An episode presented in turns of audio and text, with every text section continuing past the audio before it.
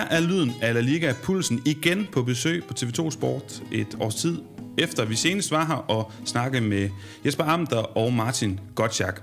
Lyden af La Liga er jo, som man nok ved, når man har lyttet en podcast, hvor vi snakker om spansk fodbold. Henrik Fallesen og Andreas Laudrup, de leverer også lyd til La Liga i kommentatorboksen her på TV2 Sport. De formidler spansk fodbold i Danmark. Nogle gange frister jeg, fristes jeg til at sige, at de agerer en form for kulturelle tolke. Så lad os starte der, Andreas. Kommer en dårlig dommer i Spanien i La Nevada eller El Congelador? Han kommer i fryseren. det er selvfølgelig lidt indforstået, men øh, det, er jo, det er jo bare et sindssygt skørt fænomen, det her med, at man i Spanien kan finde på det. Hvad tænker du som journalist? Altså det her med, at, at en dommer, i stedet for sådan at vurdere, om man er god eller dårlig nok helt generelt, så hvis han lige har haft en, en lidt for skidt hvad hedder sådan noget, aktuation, lidt for skidt uh, performance, så kommer han, så bliver han lige sat ud et par runder, og så kan han ellers komme ind igen.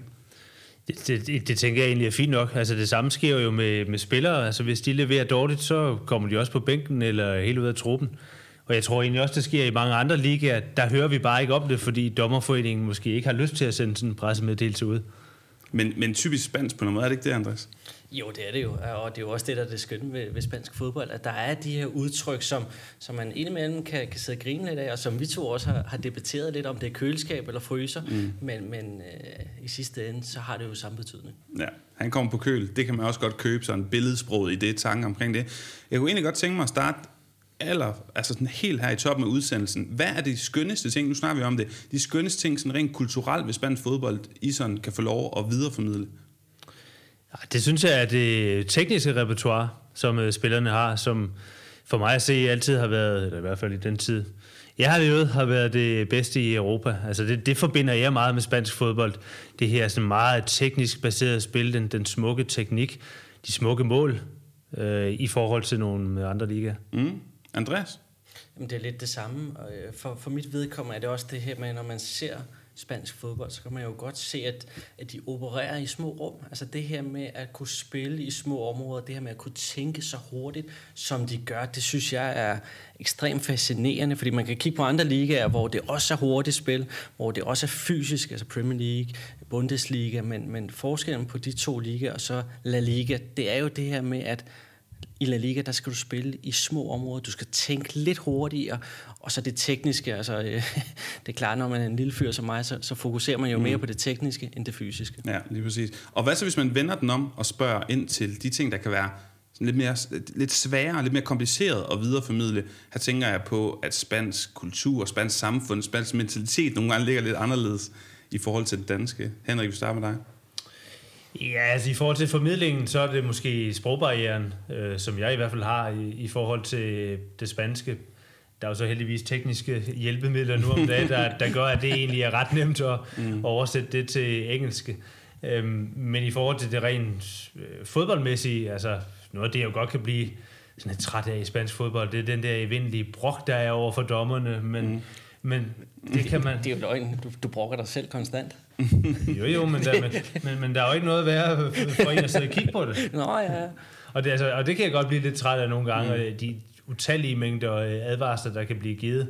Men der prøver jeg jo egentlig også bare at vente om og sige, at det er jo netop charmen, eller en af charmerne ved, ved, ved spansk fodbold, at der også er det her sydlandske temperament, og ja, det er lidt varmere blod øh, i årene hos øh, nogle af spillerne. Mm. Andreas, du er jo vant til det, men, men altså, har også ja, været dernede af forskellige årsager og bevæge dig i spansk fodbold, men altså, er der ikke nogen gange, nogen, altså, hvor du tænker, at det er svært for mig at agere på en eller anden måde kulturel tolk eller formidler og skulle forklare en dansker, hvorfor tingene er sådan her. Det kan være for eksempel noget, som mange danskere øh, er trætte af, det her med, at øh, kamptidspunkterne kommer så sent at vi ikke rigtig ved, hvornår en kamp bliver spillet før, og det er blevet bedre på det seneste, men nogle gange sad man en uge før og sagde, jeg ved ikke, om de spiller lørdag eller søndag, om det er, øh, hvad hedder det, El Partido de, de la Siesta midt på eftermiddagen, eller om aftenen, eller hvad det er.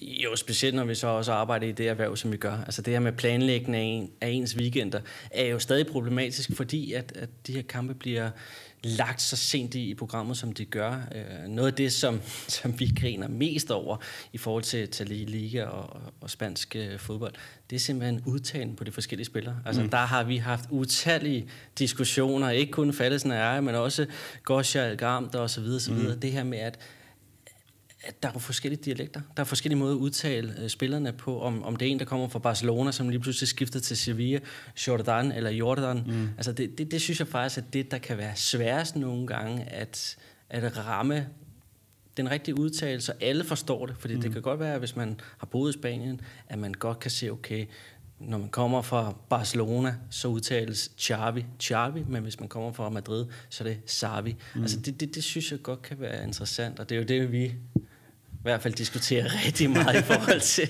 hvor, hvor meget skal man lægge i det? Mm. Altså, fordi det er jo trods alt til danskerne, man taler. Ikke? Men vi kan jo måske godt prøve at give et billede af, hvor meget vi helt for nylig har lagt i det. Fordi vi, vi har sådan meget set, gerne. Vi har sådan set et ret uh, aktuelt eksempel. Uh, Sevilla, der har fået en, en ny træner. Og hvordan siger man så lige hans efternavn? Nogle har en holdning, uh, andre har uh, en anden holdning. Må jeg prøve at smide mig selv under bussen? Ja, men, fordi vi har jo så et spørgsmål til dig, om du Nå. hedder uh, Paulo eller du hedder Paulo. Nej, det er så Paolo. Men, men, men øh, altså Jorge Sampaoli, øh, eller hvad? hvad? Hvad er diskussionen hos jer? Jamen det er jo, jamen, det er jo egentlig også den, det, som diskussionen er, er gået på, om han hedder Sampaoli, Sampaoli eller Sampaoli, øh, som man måske også kunne øh, kalde ham. Så vi har været igennem en hel del videoklip på øh, YouTube. Øh, Andreas har gjort brug af sit øh, netværk i, i spansk fodbold for at prøve at komme nærmere den her meget, meget lille detalje af, hvordan man siger det, så tæt, tættest på sandheden som muligt. Og det er jo det, der, der gør det sjovt. Altså, igen, hvis du spørger en spanier, jamen, så, så udtaler han det jo på en måde. Mm. Så vi var faktisk så langt hen, at vi faktisk skrev til, til Valdano, fordi han er jo også argentiner, har boet mm. i Spanien mange år, spurgte simpelthen, er du sød at sende en lydfil af, hvordan man udtaler hans navn? og, og vi blev faktisk ikke klogere, desværre. Men, men vi endte med, at det blev sådan noget med Jorge Sambauli, okay. altså, hvor man ligesom skulle lave den her dialekt af, mm. af, af lidt det spanske og argentinske. Ikke? Men, Jo. ja, det er en Argentin- udfordring nogle gange. Ja, ja, Argentina bærer også præg af den her massive hvad hedder sådan noget, flygtningestrøm, der har været fra italiensk. Det er også derfor, at det er sådan lidt mere syngende accent tidligere. Men det lyder som om, I har fundet... Nej, jeg vil faktisk ikke sige, det lyder ikke som om, I har fundet fred eller en løsning, men... Øh, Ja, det, jeg tror stadigvæk, der er debat på, øh, på redaktionen, men altså det, det finder vi jo også en nydelse i at prøve at, ja. at, at nørde lidt med, med de her ting. Hvis jeg bare lige må nævne en lille kommentar så til, til det her med, for de er jo håbløse i Spanien til det med tv-programmet, som I er inde på. Men noget, som de faktisk er gode til i forhold til CA for eksempel, det er at starte til tiden. Altså, når kampene så endelig er programsat til klokken 12.30 eller 16.15 eller 21 eller hvad det er, der starter de også til tiden. I CA, der er det meget mere manjana manjana. Der starter de oftest et sted mellem 3 til 5 minutter efter kick-off. Og det er jeg dødtræt af. Så det vil sige, det vil jeg rose spanierne for. Det kan godt være, at de er langsomme om at programsætte kampene, men de er hurtige til at sætte dem i gang. Det er godt at høre, Fallesen. Og så kan jeg godt tænke mig at slukke lidt for din, øh, din mikrofon, er fordi okay. Andreas, vi har jo, øh, du er også en af, en af to gæster i podcast. Jeg kan godt tænke mig, både for min egen skyld, jeg er meget nysgerrig, men også lytternes skyld, lige kort her indledningsvis i, øh, i podcasten, inden vi har begge på banen igen, og dykke lidt ned i din fortid i spansk fodbold. Der er en grund til, at du lige pludselig helt casual midt i en udsendelse, jeg, ja, det var under, da Mitchell var Getafe-træner, sagde, jeg snakkede lige med Mitchell i går, midt i en kamp, hvor jeg sad, jeg er ikke sikker på, alle lytterne, eller alle seerne var det jo i tv, fanget den der med, så, sad, okay, du snakkede med Getafe cheftræner i går. Du har et netværk dernede, det kommer af, blandt andet, at du har spillet dernede. Kan vi ikke øh, starte med at høre, hvordan du endte med at være fodboldspiller i øh, Real Madrids ungdomsakademi? Jo, fordi det er faktisk en øh, forholdsvis interessant historie. Øh, jeg spiller på det tidspunkt i, i Lønby, og øh, min far kommer så hjem til os i familien og fortæller, at vi skal flytte til Spanien. Han har fået et job i, i Getafe. Og øh, det er selvfølgelig interessant. Altså, jeg har jo altid haft en drøm om at spille i, i Spanien. Og om det så var som seniorspiller eller som ungdomsspiller, det var egentlig lidt underordnet. Men det her med at få muligheden for at komme til Spanien, det var lidt af en drøm for mig. Så vi, øh, vi flyttede til Spanien, flyttede til Madrid. Jeg skal så starte i Getafe, og øh, vi bosætter os så i en, øh, en forstad til, til Madrid, lidt udenfor, der hedder La Moraleja. Og det er så her, hvor alle Real Madrid-spillerne bor. Og øh, vi finder ud af, at der er simpelthen for langt til Getafe, øh, ungdomsafdelingen. Så øh, af omvej, der bliver jeg faktisk inviteret til Atletico Madrids øh, ungdomsafdeling for en prøvetræning der. Men inden jeg når derud, der, øh, der får jeg et opkald fra Real Madrids ungdomsafdeling, som samtidig også spørger, vil du ikke komme herud og træne hos os? Se, er det noget for, for dig? Er det noget for os? Og øh, jeg skal være helt ærlig, jeg når faktisk ikke at tænke over de, de to klubber. Altså, øh, vi beslutter faktisk i familien, vi vælger det sted, der er tættest på, på hjemmet, og det var så Real Madrid. Kommer ud, får lov til at træne øh, en gang eller to med, med ungdomsholdet, og får så at vide, at, jamen, øh, at du får lige en taske her, så skal vi altså rejse på, på træningslejr i morgen. Og jeg står lidt og tænker, jamen, altså, skal jeg spille her, eller skal jeg ikke spille her, eller hvor lang mm. tid skal var den her prøvetræning? Og de siger så, det vi har set, det er mere end godkendt, så, så du starter bare med det samme. Og øh, får lov til at starte på Juvenil B, spiller der øh, i et år, og øh, får ekstremt mange gode oplevelser. Altså får lov til at spille med nogle rigtig dygtige spillere, som jeg er også sikker på, at vi kommer ind på. Får en, en cheftræner i, i Juan Vicente, som øh, senere hen bliver assistenttræner for Lopetegi i Sevilla, og øh, er en ekstremt dygtig træner. Og øh, ham, der er så sportschef for ungdomsafdelingen, det er så Mitchell, som først og fremmest er min skal man sige, sportsdirektør, men er samtidig også øh, min fars gamle øh, værelseskammerat øh, i, i Real Madrid, da de spillede der begge to. Så det var jo lidt øh, et, øh, et, et, en speciel oplevelse, det her med at blive koblet ind i, i den her Real Madrid-maskine, som det jo er, fordi det er jo en af verdens største klubber. Øh, som sagt, kom fra Lønby, hvor altså, der er 20 tilskuere til en kamp. Hvorimod i, i Real Madrid hos Ruben LB, jamen, der kunne være op til 1000 tilskuere. Mm. Øh, der var politikskort, når vi skulle på udlandske turneringer osv. Altså den oplevelse af at lige pludselig at være 16-17 år og faktisk føle, at man er en verdensstjerne, fordi man spiller i en af verdens største klubber. Det var, det var voldsomt. Mm, ja, det lyder som en god start der. Jeg, jeg får lyst til at spørge dig, uden at kende dit niveau dengang, i forhold til både dem, du spillede med i Real Madrid, men også Lyngby, så forestiller jeg mig, uanset hvad, må der også have været en forskel i, hvor professionelt det setupet var, at du kommer fra Lyngby til Real Madrids ungdomsafdeling? Øh, jamen, vi kan egentlig starte øh, på bagkant. Altså, efter et år, der skiftede jeg til, til, til Lyngby øh, igen. Det kan vi komme ind på lidt senere, men, men bare for at give et billede af, hvor, hvor højt et niveau det var, at det tog mig seks måneder, øh, før jeg kunne spille 90 minutter for Real Madrids ungdomshold. Det tog mig to uger for at spille 90 minutter i Lønby. Bare for ligesom at, at perspektivere det over til, hvor stor forskel der egentlig var på niveauet. Fysisk, teknisk, øh, størrelsesmæssigt. Altså, øh, volumen var så meget større i Real Madrid, og spillerne var på et markant højere niveau teknisk, øh, men samtidig også fysisk. Og det var jo det, som var ekstremt overraskende for mig. Det var, at det tog så lang tid for mig at få lov til at spille 90 minutter, men også have kvaliteten og fysikken til at kunne spille 90 mm. minutter. Og det overraskede mig ekstremt meget, at det skulle tage så lang tid. Og det var faktisk øh, et irritationsmoment lige i starten, det her med, at i Lønby, jamen, der var jo fastmand, spillede 90 minutter, var med på ungdomslandshold osv., kom ned til Real Madrid, det her med at, at føle rent fysisk, øh, der var et efterslæb, som ligesom skulle, skulle oparbejdes. Ja, det lyder, det lyder også som om, at hvad kan man sige, for det første synes jeg også, det lyder overraskende, men jo også som en god indikator på, når man forbinder eh, Real Madrid og spansk ungdomsarbejde med noget, så er det det tekniske fodbold, det havde du måske allerede i bagagen, da du kom, men at det så også er det fysiske, jamen det er jo en god indikation på netop, hvor, hvor professionelle setup du har havnet i. Du nævnte det før, de her spillere, du spillede med. Kan du starte med, inden at du røber, hvilke spillere, som vi så kender endnu bedre i dag, fordi de er blevet store etablerede fodboldspillere, kunne du se allerede dengang ham derovre, højre bak, central midt, hvad ved jeg, de, de er simpelthen for vilde, og, og du allerede kunne fornemme, at her var altså en morgendagens stjerne. Der var nogle af dem, hvor man tænkte, de der spillere, de kan godt nå rigtig, rigtig langt. Øh, jeg vil sige, øh, der, der er selvfølgelig to, som er nået til, til det ypperste, har vundet Champions League-mesterskaber øh, i Spanien og Premier League.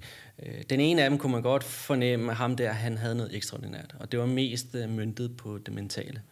Den anden kunne man slet ikke se kunne nå det niveau. Altså, mm. øh, han blev slået af på forskellige positioner, blev rykket ned fra de offensive positioner til en, til en bak, øh, og det kan være, at man snart gætter hans navn, men med ham kunne man simpelthen ikke se vil blive til, til den spiller, han blev i dag.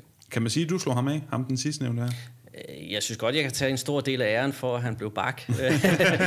så, øh, så hvis han sender en gave, så vil jeg være fint tilfreds. Men, men sådan er det jo også i fodbold, det her med, at altså, ungdomsspiller, så ser man jo også nogle af de bedste baks i, i, i det store liga. De startede jo som kantspiller, mm. og så blev de simpelthen rykket ned, fordi der var andre, der var bedre, mener jeg jo. Mm. Også fordi, at, at de passede bedre til at spille i, i forsvarskæden.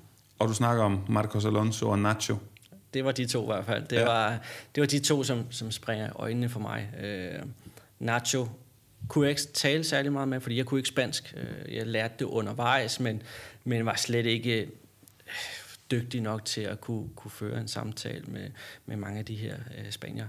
Øh, Marcos var min livline og min redning i, i Real Madrid, fordi at han var den eneste i truppen, der kunne engelsk. Så han var min tolk. Øh, han var også ham, der lavede mest øh, gak og gøjl med mig, fordi han kunne jo få mig til hvad som helst på spansk. Fordi, altså, jeg, jeg vil sige, en af mine første oplevelser, det var på den her træningslejr, og at jeg trænede med holdet to gange, og bliver kastet ud i en, øh, en turnering, øh, hvor vi skal op til Nordspanien. Og Marcos kommer hen til mig sammen med nogle af de andre og siger, træner vil lige snakke med dig. Du skal lige gå over og sige et eller andet til ham. Øh, du skal sige det her til ham. De siger noget til mig på spansk.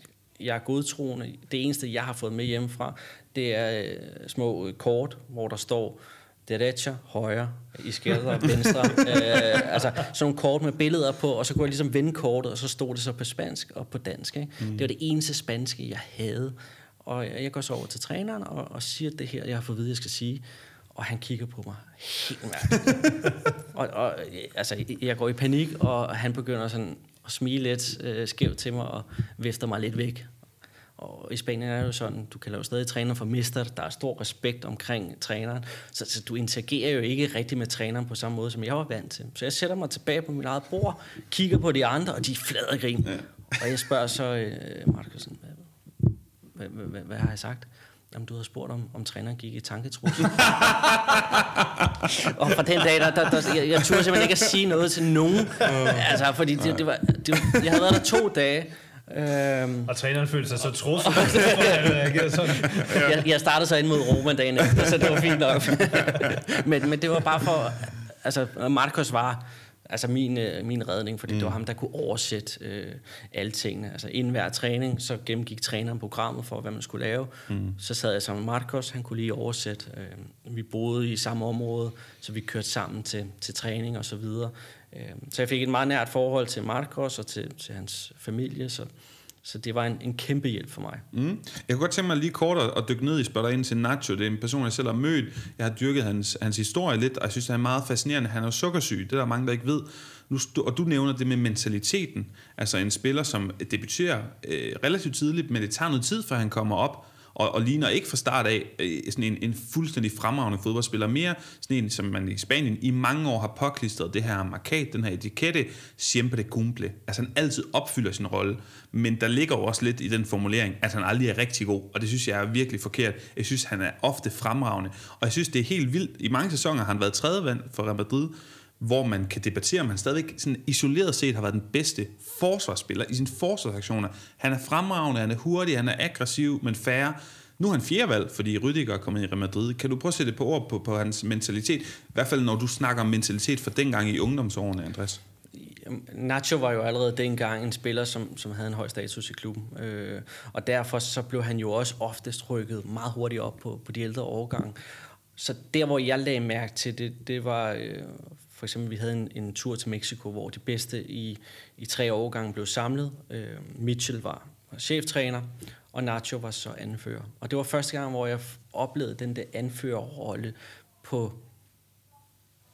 Ja, altså det, det var næsten som at se en senior anfører. Det her med at tage ansvar, det her med at være respekteret blandt øh, alle i truppen, øh, blandt trænerteamet, det her med, at, at træneren og anføreren brugte hinanden både på banen, men også havde en dialog uden for banen. Det med, at de satte sig sammen inden hver middag, arrangerede lige, hvad skal der ske her, hvordan tager man hånd om en spiller som mig, som ikke kan sproget.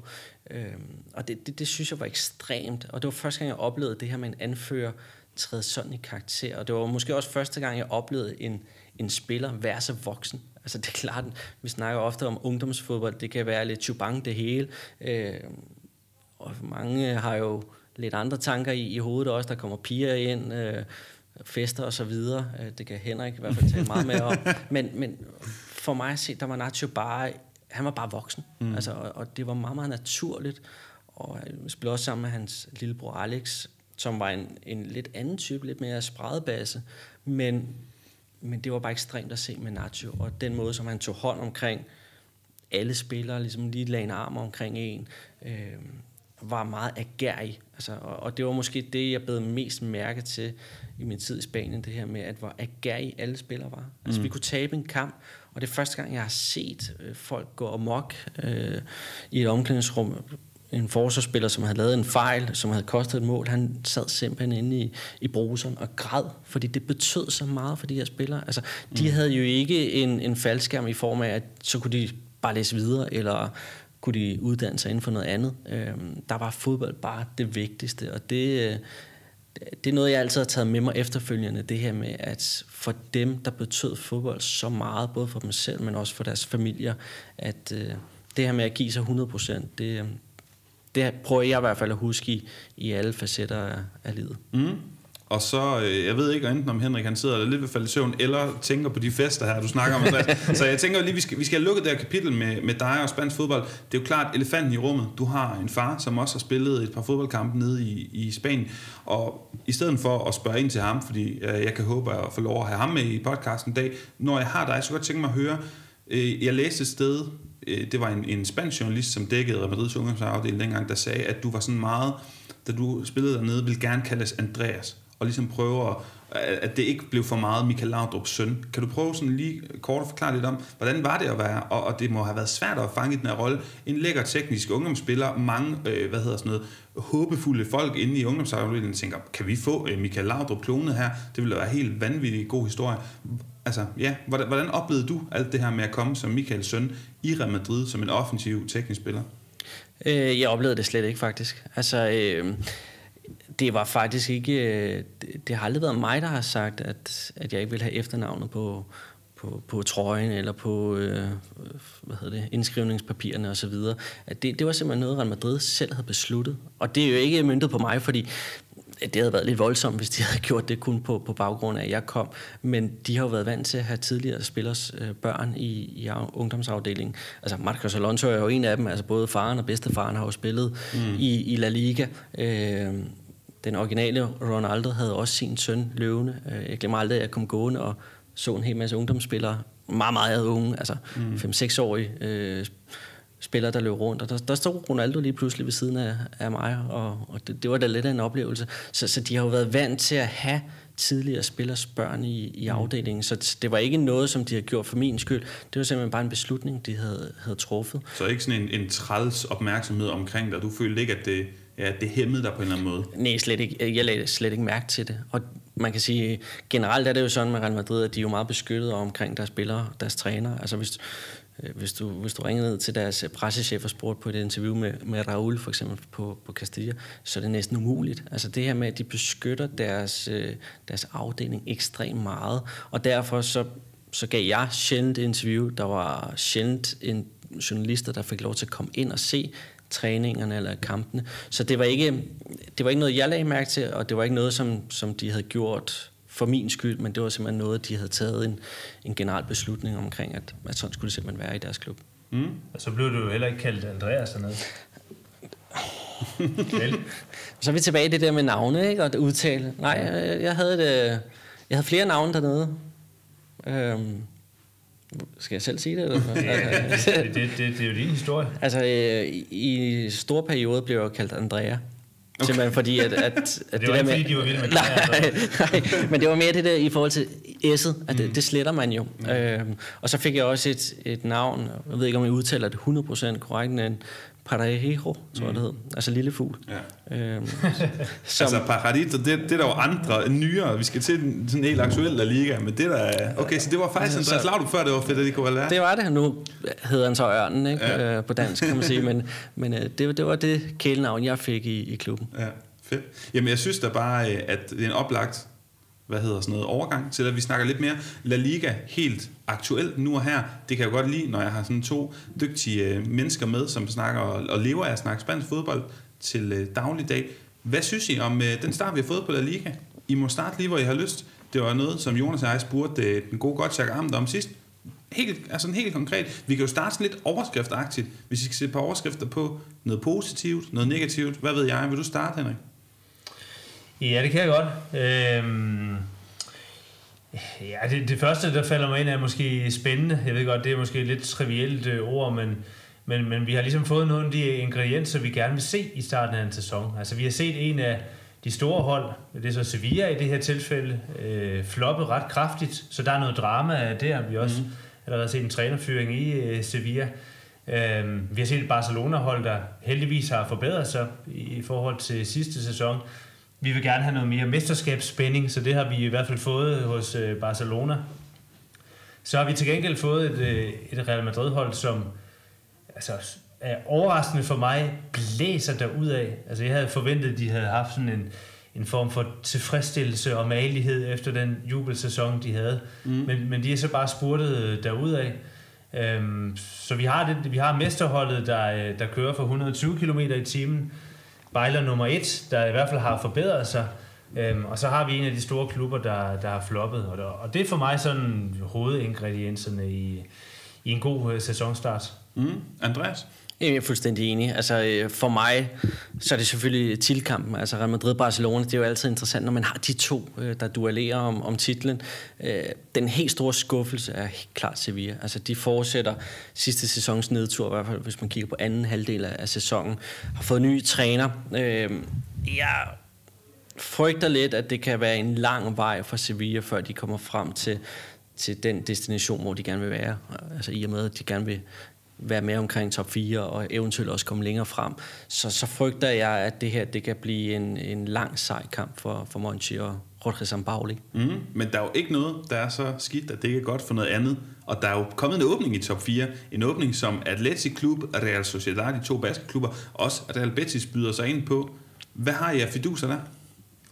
Ja, det er jo så et yderligere lag i den her spænding, at, at de her subtopklubber, som har været gode i de, i de seneste år, øhm, har, endnu en gang har stabiliseret sig, og måske endda har lidt pil op, i, i hvert fald her i, i efteråret.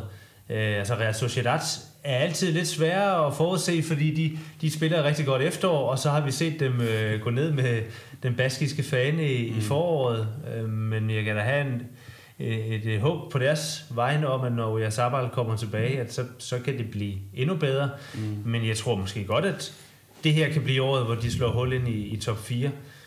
Det tror jeg måske også med, med Betis, øh, hvis de har alle deres bedste spillere øh, til rådighed, at det kan blive en, øh, en, en hæftig kamp, det her. Om det, jeg tror nu bliver den sidste top 4-plads efter Real Madrid, Barcelona, Atletico. Mm. Øh, at så er det Real Sociedad, det er Real Betis, og så måske Atletic Klub. Øh, jeg vil godt lige se dem lidt mere, inden jeg øh, tør melde dem ind i, i top 4.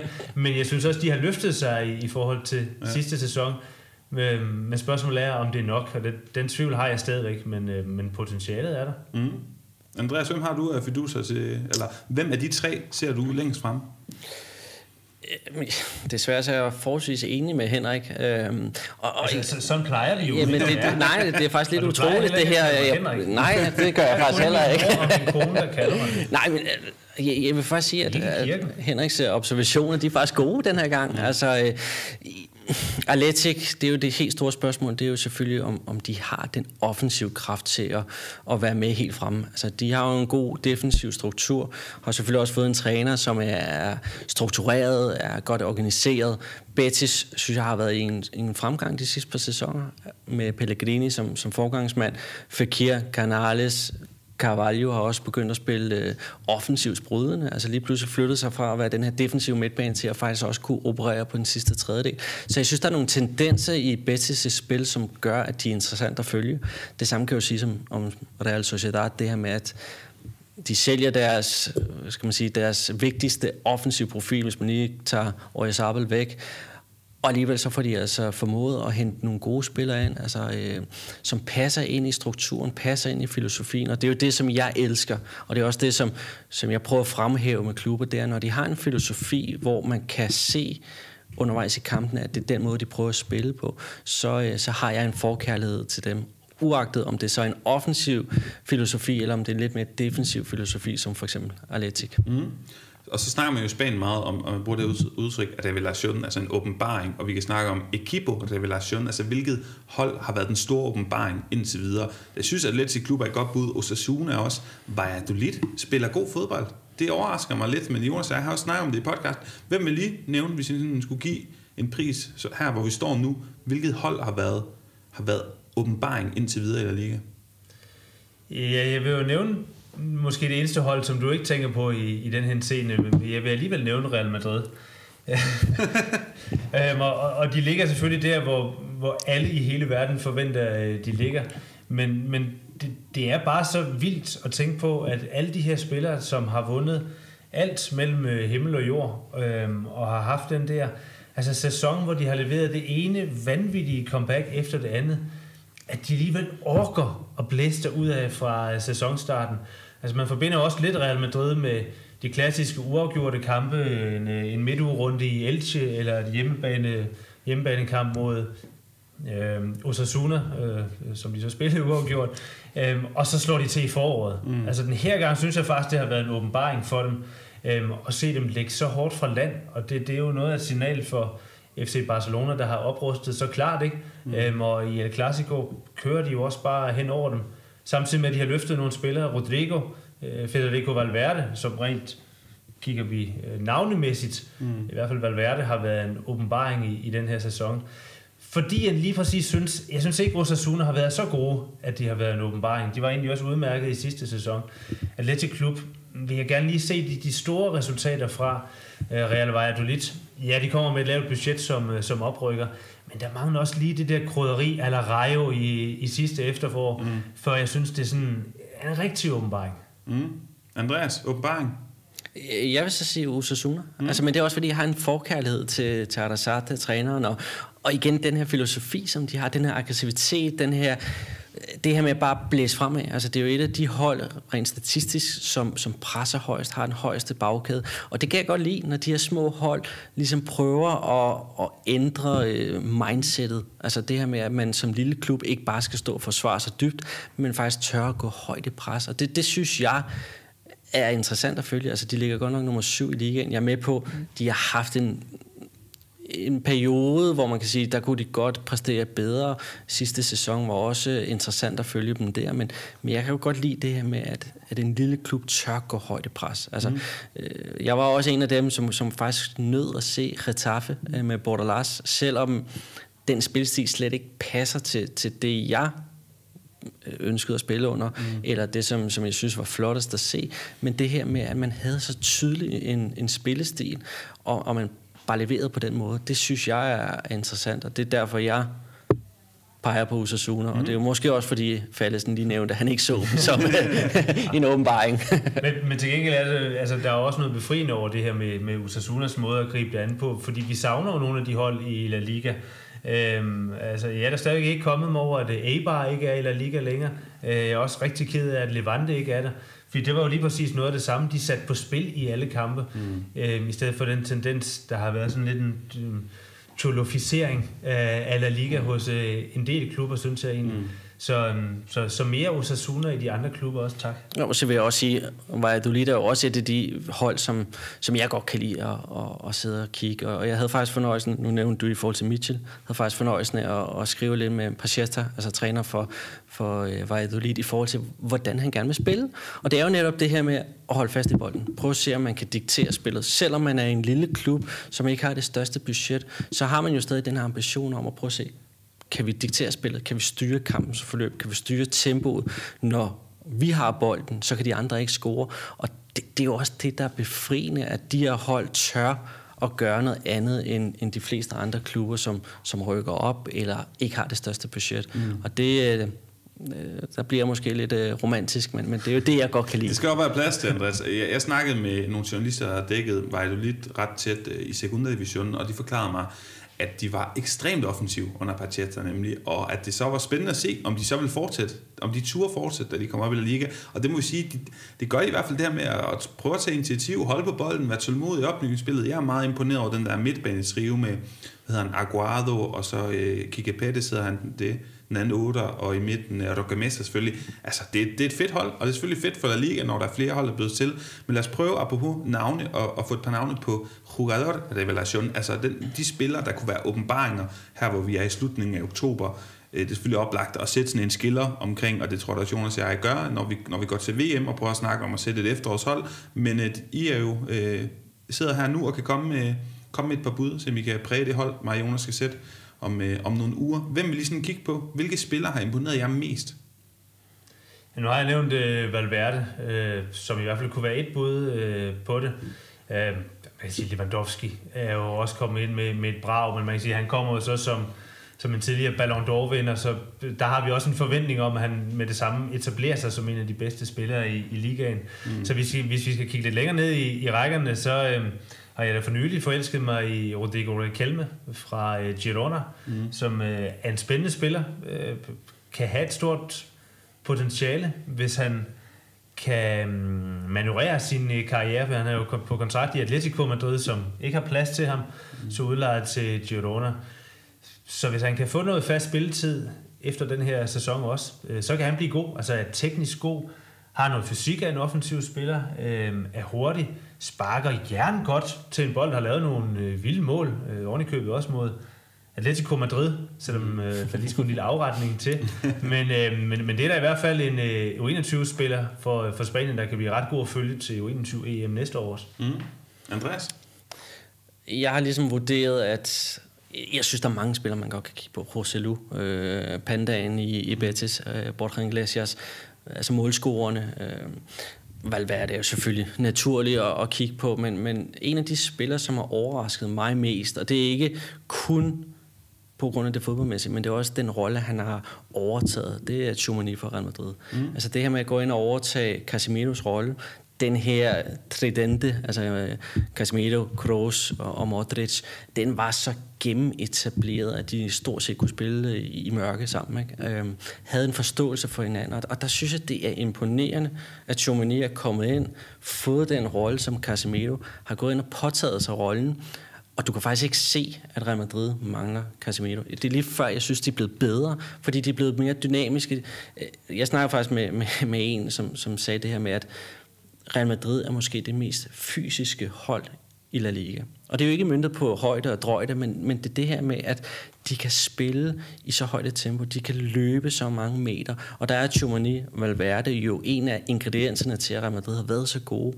Så, så der vil jeg faktisk pege på Chumani, fordi han har revolutioneret den rolle som, som defensiv midtbanespiller fra Real Madrid, mm med tanke på, at Casemiro i min optik var en af de ypperste midtbanespillere, der har været i de sidste mange sæsoner, så, øh, så går min øh, pris til ham. Mm. Jamen, jeg, og jeg er meget, meget enig i det, du siger, Andreas. Jeg troede, du skulle sige, jeg snakkede faktisk lige med Jourmeni. det, er, det er et imponerende kildenetværk. Du, jeg tror, du havde sagt Ancelotti. Ja, ja eller, eller, eller Pintus. Det er jo den her italienske ja. fysiske træner, som, som der er mange, der peger på som sådan succesen i det her med, med det fysiske. Jeg kunne egentlig godt tænke mig, Andreas, hvis du kunne give os her i podcasten en, en hjælpende hånd, fordi vi kommer til at lave et efterårshold, og jeg har sådan pynset lidt på de sidste par, de sidste par dage, om Jourmeni skal være sekseren på det hold. Har han været den stærkeste, eller det, man kunne også pege på en Guillermon i Valencia, der virkelig, virkelig gør det godt. Uh, Subimendi i, i deres Sociedad. Hvem har været den bedste sekser? Jeg synes, det er Chumani. Altså, det er klart, hvis vi kigger på ligaen, øh, så, så ligger Real Madrid nummer et, og, og jeg synes, det han, han giver holdet, uagtet hvem han spiller med. Altså om det så er Kroos eller Modric, så præsterer han stadigvæk. Om det så var Valverde, der kommer ind på hans position. Jeg er med på, at de spillere, som har spillet rundt om ham, har også kunne vende sig til, at han er lidt mere dynamisk, lidt mere mobil, lidt mere offensiv tænkning i forhold til Casemiro. Men, men der har de bare en, en indbyrdes forståelse for, at de faktisk... Øh, dækker af for hinanden. Altså, jeg kan huske, da, da Kammervengar kom til, til Real Madrid, der snakkede jeg med, med nogle af dem i, i klubben og, og spurgte, jamen, hvor ser I egentlig ham? Fordi alle snakkede om, at han skulle være sekser på det her hold. Og der, der sagde dem, der havde scoutet ham, de havde sagt, jamen, han er altså otter. Altså, det er derfor, vi har købt ham. Og jeg troede jo faktisk, det ville være Antonio Blanco, som jo havde været på Castilla, som ligesom skulle ind og overtage mm. den rolle for Casemiro. Men det er klart, når man får muligheden for at købe en Chumani og han bare leverer fra day one. Så, øh, så det er selvfølgelig naturligt, at han skal spille, og derfor synes jeg også, at han er mm. den bedste defensiv midt, der er i La Liga. Ja, jamen, øh, så tror jeg da, hvis jeg vil foreslå det til Jonas, når vi kommer så langt. det her, tiden øh, løber fra os. Det er hyggeligt, og samtalen flyder sig. Jeg har egentlig forberedt to emner, men jeg synes, I skal have lov at vælge, og så i stedet for, at vi sådan forhaster os igennem det, så tager vi bare det ene af dem. Øh, har I mest lyst til at diskutere Premier League versus La Liga, den her dominans og snak konstant om alle de mange penge, der er over på de britiske øer, kontra den gode fodbold i Spanien. Det er selvfølgelig helt nøgternt sat op der. Eller det her nye noget med European Super League, som vi jo så for noget tid siden, så døde den lidt hen, hele tanken, og selvom at Barcelona, Real Madrid og Juventus, tre formænd, de jo stadigvæk prøver at snakke om det, så er der sket nyt på, på fronten, hvor de jo har hyret en CEO, en direktør for det. Hvad ligger jeg mest på hjertet? Jeg vil gerne slutte aftenen positivt. så det er ikke at snakke Superliga. kan du gå med på den, Henrik? Jamen, det er, det, det er et nødt til at bestemme. så jeg bestemmer? Eller? Nej, det er det godt. Selv lad, os tage, lad, os tage, lad os tage snakken om, om Premier League øh, versus La Liga. Vi kan jo starte, sådan, det ved jeg ikke, om, om man kan vente om at sige, er La Liga ikke bare den bedste fodboldliga i, i verden? Og så bagefter kan vi debattere. Andreas, hvad siger du? Og du dem, skal pege på en. Dem, der var en Champions League, de kom fra, fra La Liga, så, så den var igennem, kan man jo sige. Det bedste hold kom fra La Liga. Hvis vi kigger på, på, på ligaen i sig selv, så, så må jeg desværre indrømme, at Premier League er stærkere, og det er selvfølgelig også på baggrund af, at, at de økonomiske muskler, de har, og så også noget, som vi kan komme ind på lidt senere, det her med, at at La Liga simpelthen har de her regler, altså de her lønbudgetter, som de skal overholde, og det sætter også en hemsko for dem, plus de har altså de her frikøbsklausuler, som alle spillere i La Liga skal have, og det betyder jo også, at de rige klubber fra Premier League, Paris Saint-Germain, de kan altså gå ind og plukke de her spillere fra La Liga. Mm. Er du enig der, Henrik? Ja, det er. Premier League er en stærkere liga end, øh, end den spanske, men som sidste sæson viste, det er jo ikke ens betydende med, at et spansk hold ikke kan være det aktuelt bedste i Europa. Hvad måler I det på? I siger begge to stærkest. Er det tanken om, at, at øh, nummer nu siger jeg bare noget, nummer 12 i Premier League vil vinde over nummer 12 i La Liga, hvis man sådan parer dem på den måde, eller hvad mener I, når I siger stærkest? Ja, det er jo det svar, som vi aldrig får, fordi nummer 12 øh, aldrig møder nummer 12 i, i de forskellige ligaer. Og det er jo også rigtigt nok, hvis man kigger på de europæiske turneringer, så er det jo ikke fordi, at øh, de engelske klubber øh, stordominerer hverken Champions League eller øh, Europa League Øh, eller den nye Conference League øh, for den sags skyld. Øh, tværtimod, der har spanierne jo rigtig godt fat. Men, men jeg tror alligevel, hvis jeg lavede min egen uvidenskabelige optælling over, eller lavede en eller anden rangering, jeg ved ikke, om man kan tage fra FIFA-spillet, den rating, de har, så øh, og, og regne gennemsnit ud, øh, så synes jeg, at den gennemsnitlige Premier League-spiller øh, er bedre, end vedkommende for eksempel er i, i den spanske liga. Også fordi øh, de her megaklubber lige præcis går og plukker mange af de gode spillere fra, fra Spanien og henter dem til, til Premier League. Øhm, så, så, så bredden synes jeg er bedre, men jeg synes så slet ikke, Premier League-klubberne får nok ud af det spillermateriale, som de har til rådighed, og de massive øh, penge, som de har øh, til rådighed. Og det er jo derfor, at spanierne så stadigvæk kan vinde Champions League og Europa League, fordi de har noget teknisk øh, og spillemæssig know-how, noget taktisk øh, bevidsthed, der gør, at de øh, jo faktisk ret ofte lykkes med at vinde over de engelske hold. Mm, altså, og jeg skal starte med at varedeklarere, jeg er på ingen måde neutral det, men jeg synes stadigvæk, det er en interessant debat, fordi Andreas, nu snakker du også om det ungdomsarbejde, du har været en del af, og, og de kontakter, den, det kendskab, du har til spansk fodbold, og så er jeg helt overbevist om, at du ligesom mig har det indtryk, at der bliver arbejdet ekstremt godt med spillerne, og udvikle dem og forme dem og danne dem i Spanien.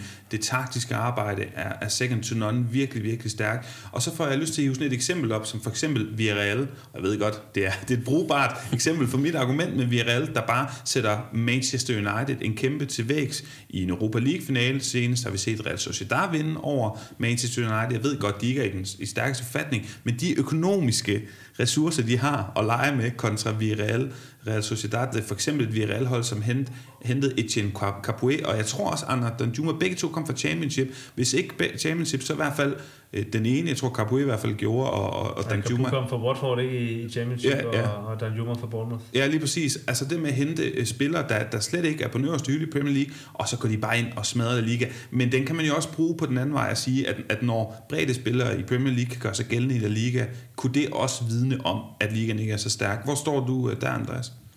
Jeg vil vente om at sige, at jeg tror, at der er flere spillere fra Premier League, der vil have svært ved at komme til La Liga end omvendt.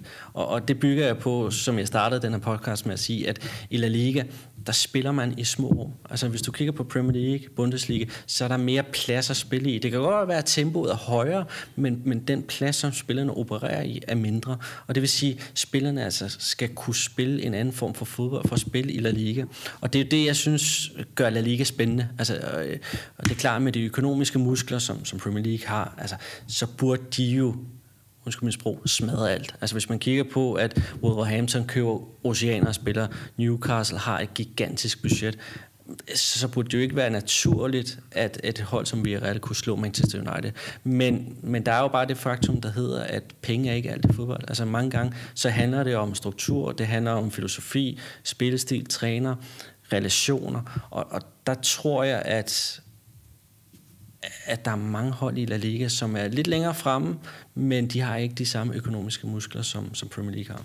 Du, du snakker om det her med små rum, og jeg er jo ikke... Øh prøver i hvert fald at forstå nogle gange det, det her taktiske, men altså ikke, øh, det er ikke noget, jeg, sådan, der er sådan fuldstændig fantastisk til at forstå. Så prøv lige at forklare, er, er det noget, tror du, det er noget kulturelt? Det bygger på, at man i Spanien bare er, bedre kan lide at fremavle den type fodbold, hvor man spiller i små rum, eller er det simpelthen trænerarbejdet, der er så godt og rent taktisk fokuserer på de her ting? Begge ting. Altså, først og fremmest så er det jo, fordi man fra ungdomsafdelingen spiller i små rum. Altså possession, uh, rondos, altså det her med at spille i Danmark kalder vi det jo kant, altså 5 mod 2, 3 mod 2 osv. osv. Men, men det opererer man jo rigtig meget med i Spanien. Altså spille i små rum, hurtige bevægelser, hele tiden, orientere sig omkring, hvor bold, hvor modstander, hvor medspiller. Og, og tempoet i Premier League er højere. Det, det, det skal vi ikke diskutere, det er det. Øh, fysikken er også markant bedre i Premier League, men, men der er jo bare den her spilstil i Spanien, der gør, at det er på små områder, og der skal du altså som en Pedri, Gavi, øh, jeg synes også, Chumani er begyndt at gøre det, Vinicius, Rodrigo, det her med, at de kan kombinere omkring øh, mange spillere, altså det her med, at man ofte siger, at spillerne kan spille i en, en telefonboks, altså mm. det, det, det synes jeg er et meget godt symbol på, hvad La Liga er, det her med at spille i små rum, og hele tiden være opmærksom på, hvad sker der rundt omkring en. Det er, men det er jo sådan, altså, men det er jo klar øh, kulturel øh, forskel det er, altså hvor de jo i, spansk fodbold jo, som du siger, har den her spilstil ned gennem ungdomsrækkerne. Altså jeg stod ude og set ungdomstræning i Villarreal på et tidspunkt, ikke? og det gik jo bare klik-klak, klik-klak, klik-klak. Hvor, hvorimod de i England altså, er jo stadigvæk ved bare at implementere at have en sportsdirektør i, i Premier League-klubberne, som så skal skabe en rød tråd ned gennem ungdomsholdene. Øh, altså det, der, der er de jo mange, mange år bagud, øh, for eksempel i forhold til, til Spanien. Så er der også noget kulturelt i, altså englænderne har jo været vant til, de kunne jo ikke stå og lave taktisk træning. Det var det jo simpelthen for koldt til mm. i, i, i vinterhalvåret. Jamen det lyder jo mærkeligt, men, men, men, men de kunne jo ikke stå, træneren kunne jo ikke stå og, og rykke på dem, hvis træneren havde lyst til det, fordi så blev det jo for koldt for alle parter. Ja. Så der var man jo nødt til at have en, en højintensiv spilstil, hvor man skulle løbe frem og tilbage, hvor du i de sydlandske lande øh, jo har langt bedre klimamæssige forhold til at kunne, kunne, kunne nørde med de der ting. Jeg, jeg kan faktisk huske, at i i Real Madrid, der spillede vi på kunststof. Og det her med, at i Madrid om sommeren, der kan altså godt være 30-40 grader. På kunststof, der bliver det ekstremt varmt. Så det her med at have hurtige fødder, det er ikke fordi, man skal have hurtige fødder. Det er simpelthen fordi, man brænder fødderne, så du er hele tiden nødt til at have en bevægelse. Men, men, men det er jo det, som, som Spanien er så gode til. Det her tekniske, øh, fantastiske spil, hvor man bare holder tingene i gang. Men op i mit hoved, der, der har jeg sådan lyst til at dreje det til, at det er derfor blandt andet La Liga bare partout er bedre end for eksempel Premier League. Men hvis nu jeg skal være realistisk og kigge indad, så forestiller jeg mig også, igen uden at være fodboldtaktiker, men, men det her med, at for eksempel hvis vi tager Pedri, Gavi, Busquets som nogle ærketyper på en, på en spansk fodboldspiller, det at de er gode i små rum, jamen det gør jo selvfølgelig, at det er de gode til, og, og når kampbillederne former sig på den måde, jamen så er det en fordel for dem. Men når det går hurtigt frem og tilbage, så har vi jo set, at de her spillere har svære ved måske at følge med, når, når, hvad hedder sådan noget, når kampbilledet bliver for dynamisk, når rummene bliver for store. tager jeg fejl der, Andreas, eller Øh, der er du rammer overhovedet på sømmet. Altså, øh, og det er jo derfor, at Barcelona har haft de udfordringer, som det har, når de møder Bayern München. Altså, fordi der, der er det bare et, et tempofyldt mandskab fra, fra Tyskland, der kommer. Og det er den store udfordring for, for Barcelona for eksempel, og det er jo også det, som Real Madrid har kigget på, og det er derfor, de også vil have dynamiske spillere, spillere der har fart, kigge på de tre centrale forsvarsspillere, Real Madrid har. Øh, det er jo spillere, der har fart, fysik, power, dynamiske, og det er jo noget af det, som, som de kigger på i Real Madrid. Det er den måde, de scouter deres forsvarsspillere på, det er, at de skal kunne klare sig selv. Men så tænker jeg, at det perfekte i moderne fodbold vil, have, vil være at have fodboldspillere, der kan begge dele. Små rum, men altså også kan klare de store rum og store distancer. Hvem, hvem kunne være et, et par navne på spillere, der er gode til begge dele? Jeg tror, du kan kigge rigtig meget på Manchester City og, og kigge på stort set alle dem, der starter inden for dem. Fordi de kan jo det her med at operere store rum, altså hvor det er dynamisk, hvor det er en åben kamp, men også når det, når det er små rum. Ikke? Og det er jo klart, når du har en træner som Pep Guardiola, som kom fra, fra Barcelona, kan få lov til at få de økonomiske muskler, som Premier League jo giver ham, Manchester City, øh, så kan han jo begynde at købe spillere, som passer ind i hans filosofi. Og det er jo også det, når man kritiserer Pep Guardiola og bare siger, jo, men han har fået så mange penge. Han har altid fået de bedste hold. Men, men selv de bedste hold i, i England, selv de rigeste klubber, tag Manchester United som eksempel, de kan bruge oceaner af summer på spillere. Men hvis de ikke har en tydelig filosofi, så kommer de jo desværre ingen vegne. Nej, man kan også sige, at Real Madrids Galactico-projekt, der var også øh, penge nok, og det var altså ikke altid, det fungerede lige godt. Og også i nyere tid, synes jeg godt, man kan begynde at stille spørgsmålstegn ved Xavi under, altså, eller Barcelona under Xavi. Det, det, I mange kampe, synes jeg, at kampbilledet har været meget indlæg ind på, på Lewandowski, selvom alle de her tekniske spillere, han har bedt om, de jo altså sådan er kommet ind og sådan noget. Men hvis vi skal prøve at brede den lidt længere ud igen, jeg har, jeg har lidt statistik med. I det 21. århundrede, jeg tweetede det her, jeg ved ikke, om du har inde og kigge, Henrik, for det, vi kan tage den lidt som en quiz. I det 21. århundrede, der har Ballon d'Or prisen været uddelt 22 gange til 12 forskellige spillere. Hvor mange af de her 12 har været i uh, spansk fodbold, tror jeg? Nej, jeg har ikke set uh, det tweet. Øhm... Det siger han, og svarer rigtigt.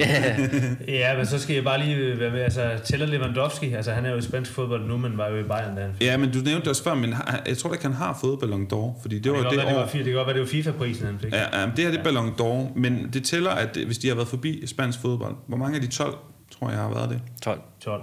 10. Der var lige to, øh, der var lige to italienere. Er det Shevchenko og, Cannavaro var Shevchenko og Nedved, tror jeg det var. Øh, otte af dem befandt sig i spansk fodbold, da de fik den. To af dem i England, to af dem i Italien. Så det synes jeg jo er, lugter dominans, og altså også noget, der ikke bare lige er i de her gyldne år fra 8 til, hvor langt man tager den op, men altså i hele 21. århundrede. Og så et andet quizspørgsmål. Hvor mange procent af de europæiske klubfinaler er vundet af spanske hold i det 21. århundrede? Der mener jeg i statistikken, man kigger på Champions League, Europa League, også den seneste European Conference League, og så de her europæiske Supercup-finaler også. Uf. Har I et bud procentmæssigt? Her er det jo basically alle europæiske hold, der kan byde ind. Altså, øh, hvad er tidsperioden? 21. 21. stadig. Altså, der er jo ingen tvivl om, det er de spanske klubber, der har vundet mest. Øh. Men kan de altså øh, komme i nærheden af 50%, hvor alle andre jo også kan byde ind? Puh, ja. Ja, 50 procent. 40. 47 procent. Det synes jeg er imponerende. Ja, det er Altså, du, du snakker om, du kan samle alle tyske hold, alle italienske, alle engelske, alle franske, portugisiske osv., og alligevel de spanske hold 47 procent. Det har selvfølgelig meget været Real Madrid, Barcelona, Sevilla i, i den europæiske Supercup, men jeg synes, at det her det giver en indikation af, hvis vi skal prøve på en eller anden måde at konkludere på det her, at, at La Liga, I snakker om, det jeg hører jer sige, jeres, jeres primære argumenter, det er, at, at, hvad kan man sige, at der selvfølgelig er flere penge i Premier League, at, at, at hvad skal vi kalde det, sådan summen af den, du ja, nævner det, den generelle, summen af den individuelle kvalitet. Ja, lige præcis, er større, og at sådan den, en, en helt vilkårlig spiller i Premier League typisk vil være bedre end sin sammenligning i, i La Liga, men både det her med Ballon d'Or og de europæiske finaler, peger det ikke lidt i den anden retning, eller hvad? Jeg tror, der er nogle nuancer, man er nødt til lige at i talsætte. For mit vedkom, når jeg siger, at Premier League er den, er den i går så en bedste, så er det møntet på det er den liga, der bliver vist flest lande. Det er den liga, som genererer den største omsætning. Det er den liga, der har flest fans. Så, så man kan sige, på, på baggrund af det, så er det jo den bedste. Altså det, det må vi jo desværre erkende. Men hvis man kigger på de klubber, som de fleste spillere gerne vil til, så er det jo Real Madrid og Barcelona. Uagtet om Barcelona har alle deres problemer, så er det jo stadig den klub, at de fleste, i hvert fald sydamerikanere, de kigger på og siger, oh, hvis jeg har mulighed for at komme til Real Madrid eller Barcelona, så vil jeg altså gerne det. Og, og det har vi jo set både med Ferran Torres. Jeg er med på, at han var ude af Manchester City-holdet, men, men han vil jo stadig gerne til, til, til Barcelona. Bernardo Silva har jo også, øh, i hvert fald uofficielt, indikeret, at han gerne vil til, til, FC Barcelona. Og det synes jeg vidner om, at, at de to klubber i hvert fald er blandt de aller, aller største. Fordi jeg tror ikke, at hvis man står i en situation, hvor man kan vælge mellem Real Madrid, Barcelona, Chelsea, Liverpool, Paris arrangement, så jeg tror altså, at de fleste de stadig vil vælge de to øh, klubber fra, fra Spanien. Så er det klart, så kommer det økonomiske ind. Hvis lønnen er tre gange så stor i Paris arrangement, så er der nogen, der vil vælge den del. Men, men fodboldmæssigt, der tror jeg altså stadig, at de fleste vil vælge Spanien. Og så tæller det jo med i din statistik, at Premier League-klubberne i mange år, i starten af det 21. århundrede jo, øh, gav langefingeren til UEFA-koppen og Europa League og var øh, fløjtende ligeglade med den. Altså det hed, det hed Premier League, det hed Champions League, og så hed det FA Cup. Mm. Altså det var det vigtigste. Mm. Og så kunne reserverne få lov til at spille UEFA Cup og Europa League. Mm. Og det er sådan langsomt ved at ændre sig, lidt afhængig af, hvad det er for en klub, vi, vi snakker om. Så det er også en af årsagerne til, at de måske ikke har vundet så meget. Øhm, men altså, resultaterne lyver jo heller ikke. Og det er jo også derfor, jeg siger, altså samlet set synes jeg, Premier League er bedre, men de spanske hold, de kan på en hver dag øh, slå de bedste hold fra, øh, fra Premier League, fordi de taktisk og teknisk i mange henseender er bedre. Og så synes jeg jo faktisk, at det bliver interessant at se. Vi havde en fornemmelse den her sommer, at nu var det som om det økonomiske skæld mellem Premier League og resten af kontinentet var endnu større, end det plejede at være.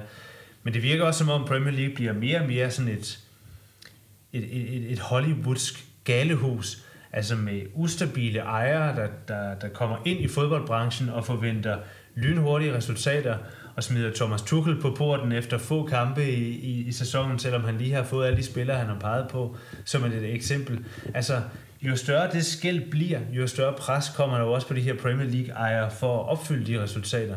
Og som vi har været inde på, de har jo slet ikke fået præmie nok ud af deres penge indtil nu. Så det kan være, det, det, altså, det kommer til at gå endnu værre for Premier League, selvom de får flere penge, fordi de der ejere bliver endnu mere horrible, som de for eksempel er i Manchester United, hvor de har øset penge ud, øh, men vundet ingenting. Mm. Så det kan jo godt være om, øh, om fem år, at spanierne har, har arbejdet sig øh, op på en førsteplads i, i vores optik. Det håber jeg. Altså, og meget af det, I siger, er jo sød musik i, i mine ører og i La Liga fans ører generelt. Jeg synes, vi er kommet fint omkring her. Og jeg tror egentlig også, at vi er ved at lagt mod ind i forhold til podcasten i dag. Jeg kunne egentlig godt tænke mig her til allersidst, det er ikke noget, jeg har prøvet før, men jeg tror, det vil fungere fint, at vi kører sådan lidt, øh, hvad hedder sådan noget, quickfire-runde, ikke omkring det her tema, men omkring øh, resten af, af La Liga-sæsonen. Så jeg stiller nogle spørgsmål, og I må love mig at holde det fuldstændig kort. Ja. Og så øh, glæder jeg mig til at hive spørgsmål eller svarene frem, når at sæsonen lager mod enden. Hvem vinder, øh, hvem, hvem vinder La Liga? Real Madrid. Real Madrid. Hvem vinder Copa del Rey? Ja. Det var et godt spørgsmål. Ja, men i min optik bliver det jo måske... Øh, det bliver FC Barcelona. Xavi er jo nødt til at vinde noget. Ja, vi vil give dig ret, men for at vi kan have noget på højkant, så siger jeg Valencia. Okay. Topscorer i La Liga denne gang, og ikke Copa del Rey. Benzema. Lewandowski. Ja, og flest oplæg? Hmm, ja, det, det, det bliver Dembélé så. Øh, jeg går faktisk med longshot her. Rodrigo. Ja. Øh, jeg sidder jo også lidt og improviserer, men jeg har lige et par stykker øh, mere. Jeg kunne godt tænke mig at høre, hvem der, øh, hvor, hvor langt, hvad hedder det, Villarreal kommer i European Conference League. Mm-hmm. De er, jo, de er jo ude af gruppen. Altså, de kommer videre. Ja. Ja, det, det kommer jo meget ind på det også træk. Men, men Emery har jo den der finesse for knockout-kampe. Semifinale. Mm, Andreas? Finale. Ja, og hvilke af de to øh, hvad hedder sådan noget, spanske repræsentanter i Europa League kommer længst? Real Betis eller Real Sociedad? Det er jo oplagt, de tager en hver der. Øh, hvad med Barcelona? Ja, det er selvfølgelig rigtigt. Det er selvfølgelig et rigtig, rigtig godt bud. Så, så, det, det, så du siger FC Barcelona? Ja. ja.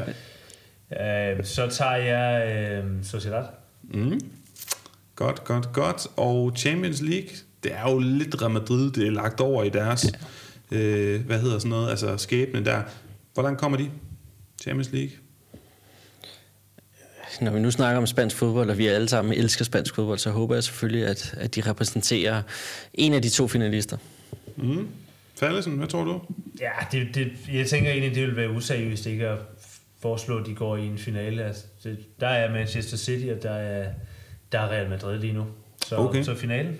Og sidst men ikke mindst skal vi lukke af med, vi har været lidt inde på det, hvem ender, hvad hedder sådan noget, kompletat, hvem fuldfører top 4? Vi formoder, Real Madrid, Barcelona, Atletico kommer i top 4. Hvem bliver det fjerde hold? Mit fodboldhjerte siger Betis eller Real Sociedad. Mm. Men øh, for at skabe lidt ravage nede i, i syden, i Sevilla-området, så, så peger jeg på Betis. Mm. Fallesen? Ja, så, så må jeg jo sige Real Sociedad igen. Ja. Jeg har, jeg har fået lidt en, en, en forkærlighed også for, for, for Kubo og Subimendi og company. Ja, Brais Mendes og så videre. Og ja. det er jo sjovt med det der, ikke også? Fordi man elsker det, altså Sociedad. Og de er så imponerende i efteråret, som du siger. Så skuffer de i foråret. Så godt forberede dig. Nå, jamen de her, jeg tror, vi lukker ned. Tusind tak, fordi I vil være med. Det var en fornøjelse. I lige måde. Øh, tak også for invitationen. Dejligt. Det synes vi kom øh, godt omkring. Og nu smider jeg jo den her øh, podcast ud torsdag, tror jeg det bliver. Vi sidder her søndag aften i Odense på Kvægetorvet. I har kommenteret Real Betis, Atletico Madrid. Den 2-1 til Atletico Madrid, ikke? Øh, Jeg sad i mo- på motorvejen, så jeg havde ikke rigtig mulighed for at følge så godt med. Men jeg kunne godt tænke mig at høre lige om lidt, om en times tid, så sparker, øh, så viser I Barcelona Atletic Klub. Hvad ender den? Uafgjort. Ej, den vinder Barcelona med, med 2-0. Okay, fint. Så har jeg også noget at holde jer op på sådan lige, lige her, her til aften. Men øh, igen, tusind tak. Det var en fornøjelse. Fortsæt jeres gode arbejde med at formidle spansk fodbold. Ja, tak i lige måde. lige måde. Mange tak. Paulo. Jorge Paoli. Nå, tak for det.